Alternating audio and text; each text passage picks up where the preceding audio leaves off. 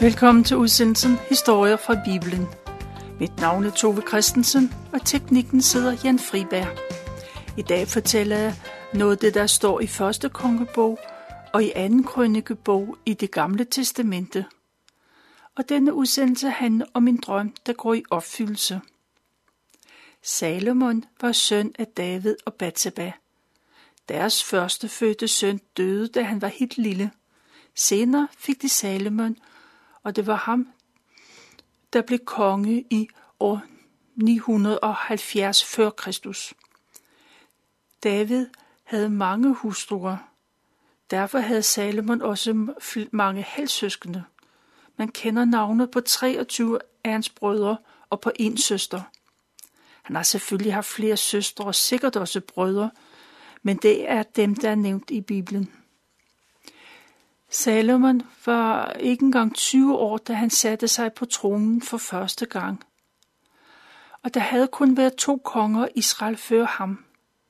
Han blev altså den tredje konge, men han blev også den sidste, der var konge i et samlet Israel. Salomon var kendt for sin store visdom, sin rigdom og magt. Der gik rygter om hans visdom og rigdom ud over landegrænserne, og han har givet inspiration til mange legender og fortællinger. Fortællinger, der handler om den gode og retfærdige kong Salomon, og tillægsordet salomonisk, det betyder netop vis og retfærdig. Det var nok ikke hele sandheden, men det kommer vi til at høre om på et andet tidspunkt. Og man kan lære meget af Davids liv. Ikke mindst om, hvilken indflydelse mennesker har på hinanden, både på godt og på ondt.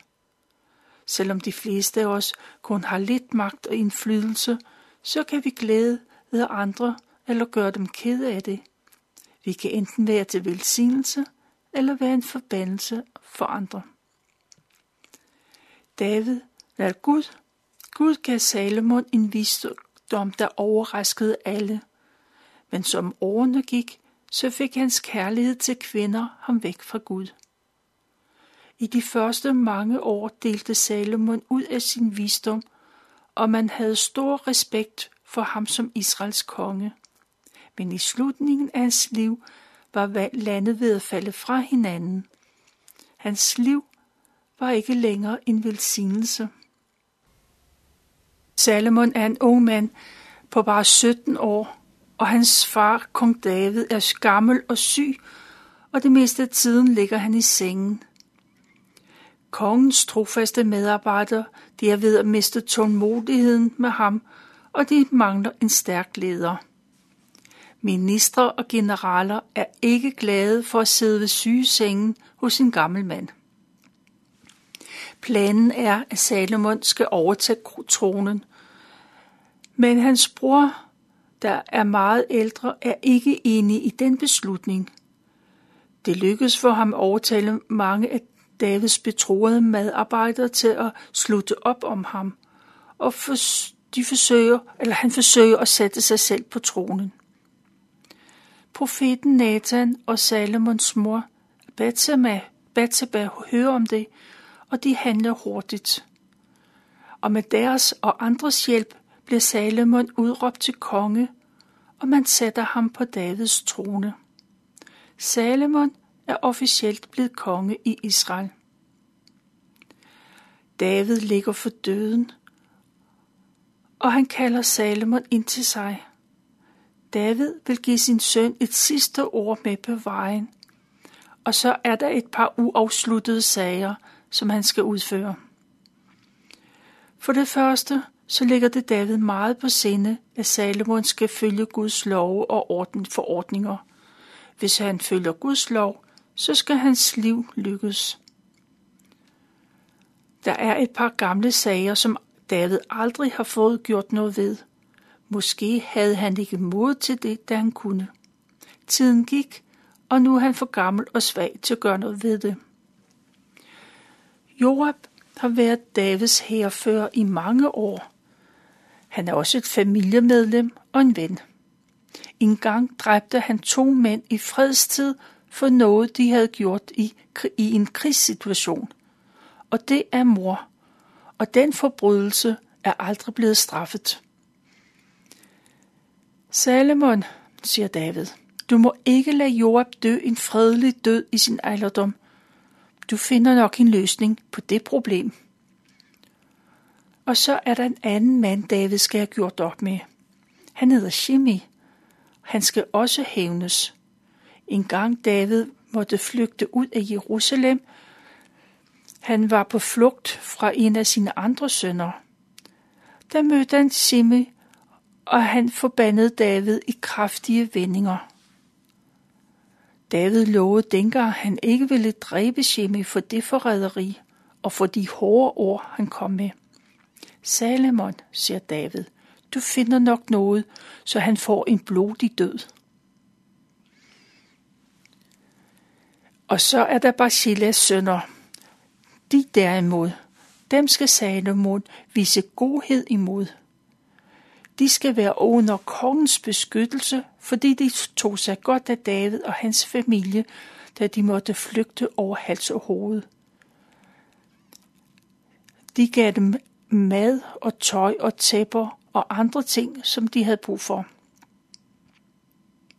Og med de ord sender David Salomon væk, og ikke lang tid efter dør han. David blev begravet i Davids byen, og det er så betegnelsen for det gamle område i Jerusalem.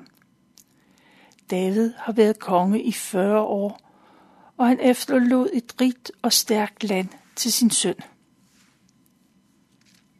Efter sin fars død, så begynder hverdagen for Salomon, og hans første udfordring, det viser sig at være hans storebror Adonai. Han er den ældste af brødrene, og det var ham, der mente, at han burde være konge.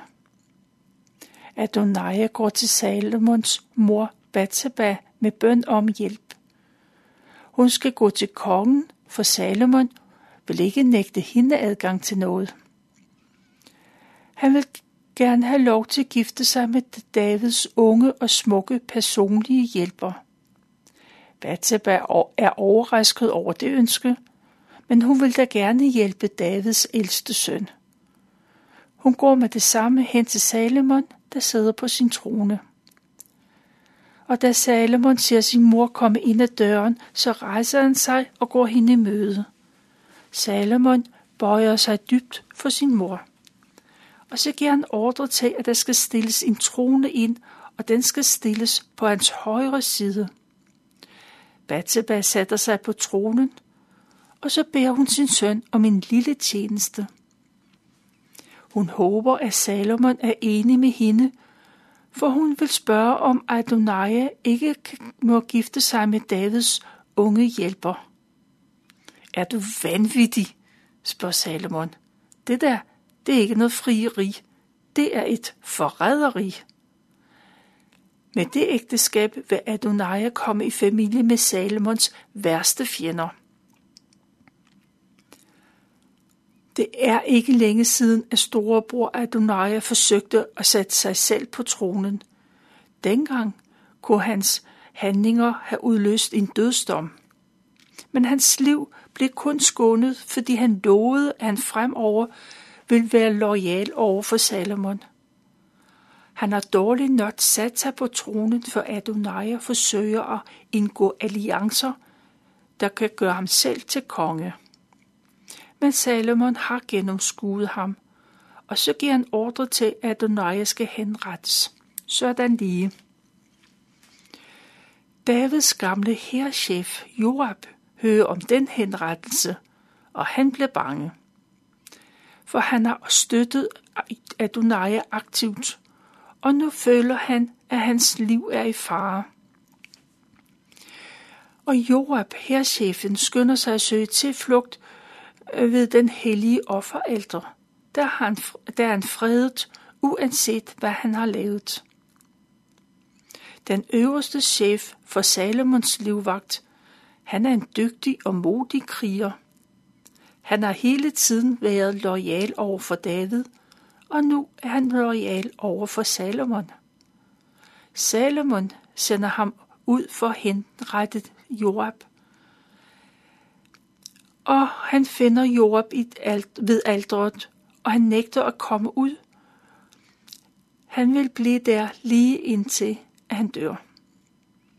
Da Salomon hører det, så siger han, godt, så lad ham dø der.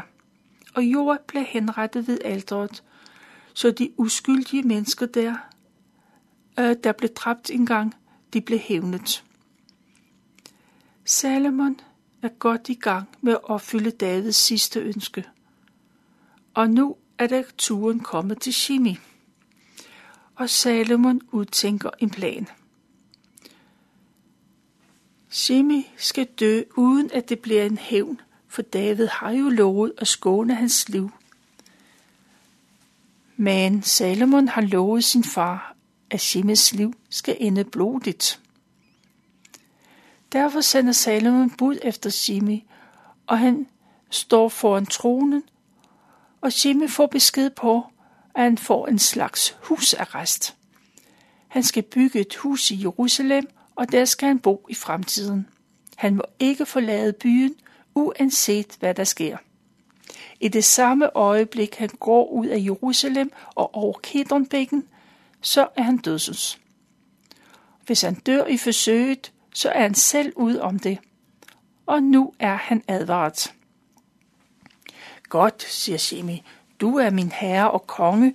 Jeg vil gøre, som du siger. Og så bygger Shemi sit sig et hus, og der bor han i lang tid. Han kan bevæge sig frit rundt, men han må ikke forlade byen. Og så der han går der tre år. Men en dag flygter to af hans slaver, de er filistre. Efter flugten, så tager de til deres hjemmeegn. Shemi er fred over det med slaverne, og han forhører sig og får at vide, at de er kommet til Gat. Uden at tænke på husarresten og Salomos advarsel, så sadler han sit esel og tager til Gat. Her opsøger han kongen i byen, og det lykkes for ham at få udleveret sine slaver. Salomon hører, at Shimi er taget til Gat, og han nu også er kommet hjem igen. Og så bliver han hentet op på paladset, og han står over for sin konge. Hvorfor har du trodset min beslutning? Sagde du ikke, at du ville blive i byen? Og hvad med de onde ting, du har sagt og gjort imod min far? Du har gjort imod David. Men Shemi kan ikke sige noget til sit forsvar, og Salomon beordrer ham til at blive henrettet. På den måde så fik overholdt han sit løfte til sin døde, døende far. Salomon har vist, han har vist, at han er handlekraftig og stærk, når det gælder. Det er noget, man lægger mærke til, og det giver respekt om hans person. Hans kongedømme er meget stærkere nu, end da han satte sig på tronen. Men alligevel føler Salomon sig ikke sikker. Han har ikke sin fars ry som krigskonge. Nabolandene de går på krigstogt, som andre de går på jagt. I mange år er Israel blevet skånet, men Salomon ved, at det er et spørgsmål om tid, før man prøver at gå imod Israels grænser.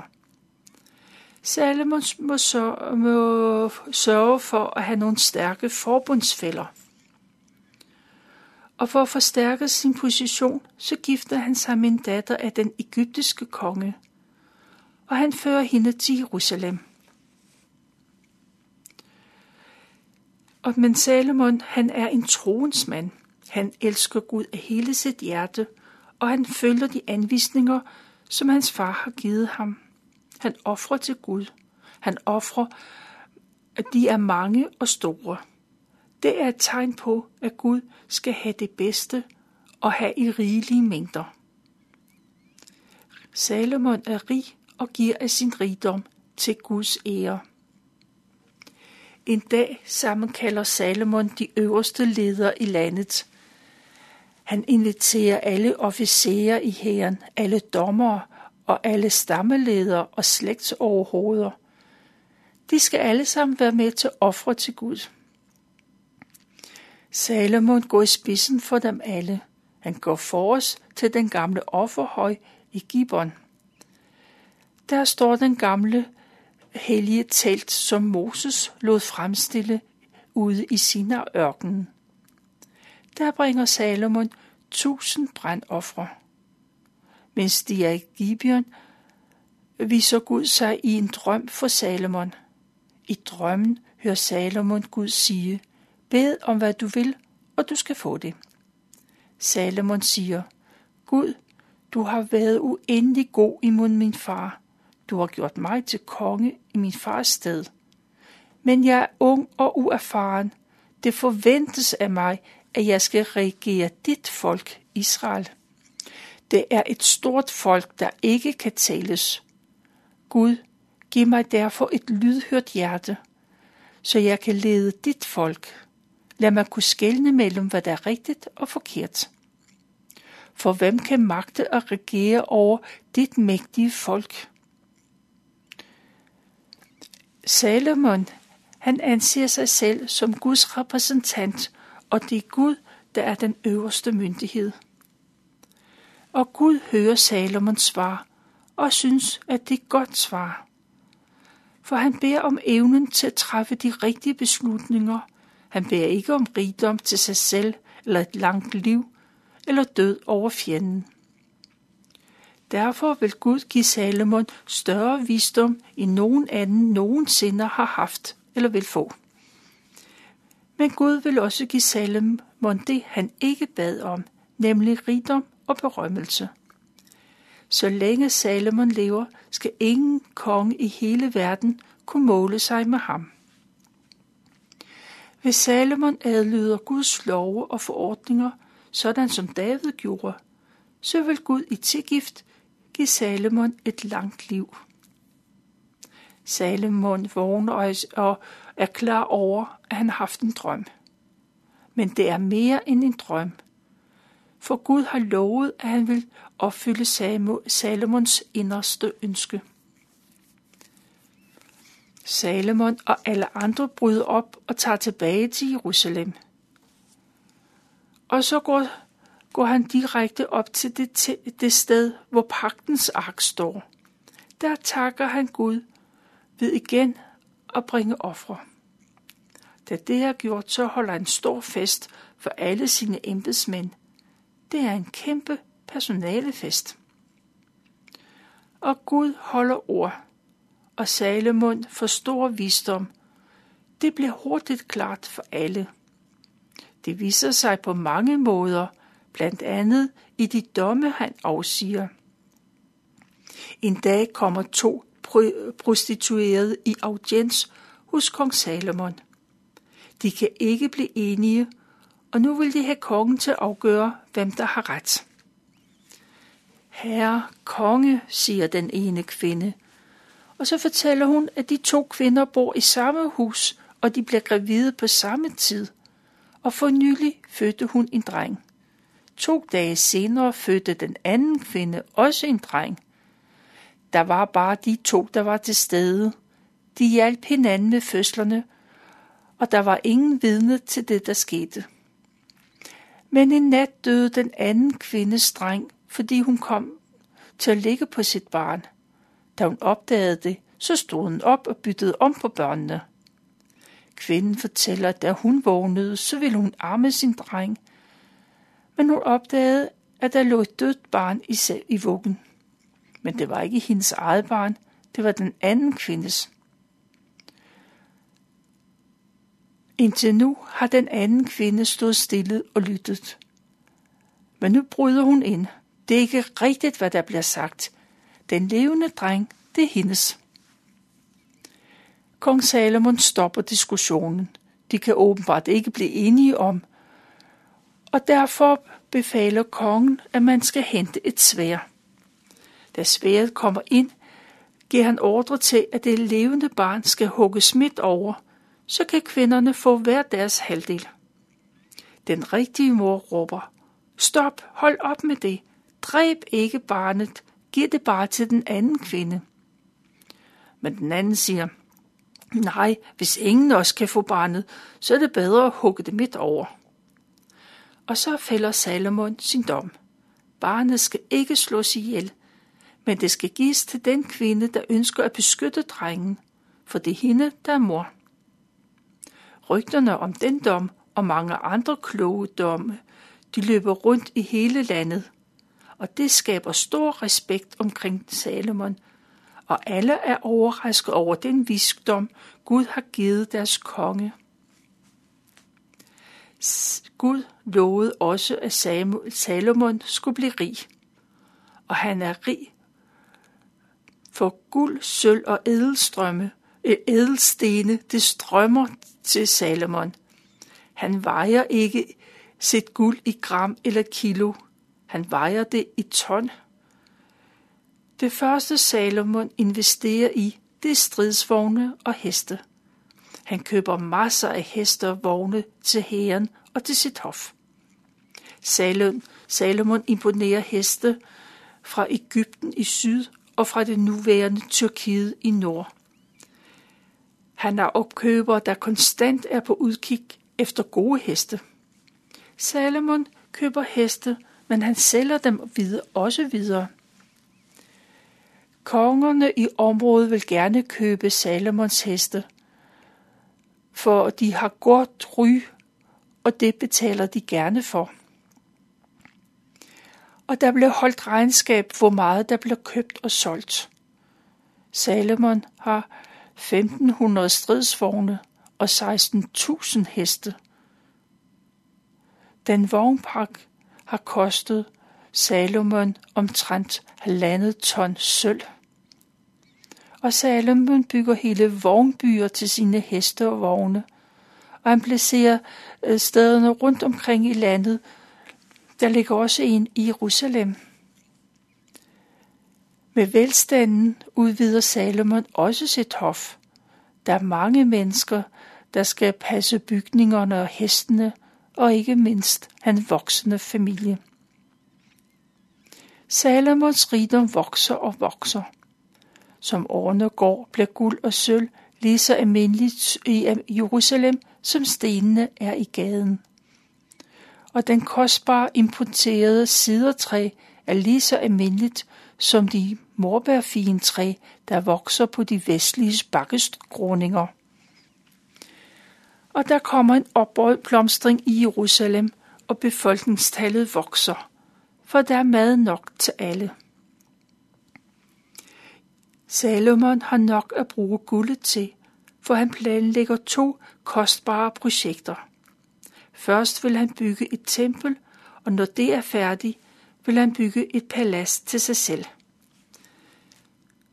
Og han går i gang, og han sparer ingen steder. Det bliver et stort slået bygningsværker. Det er, hvad jeg har valgt at fortælle fra 1. kongebog kapitel 2, 3 og 4, og fra 2. krønikebog kapitel 1.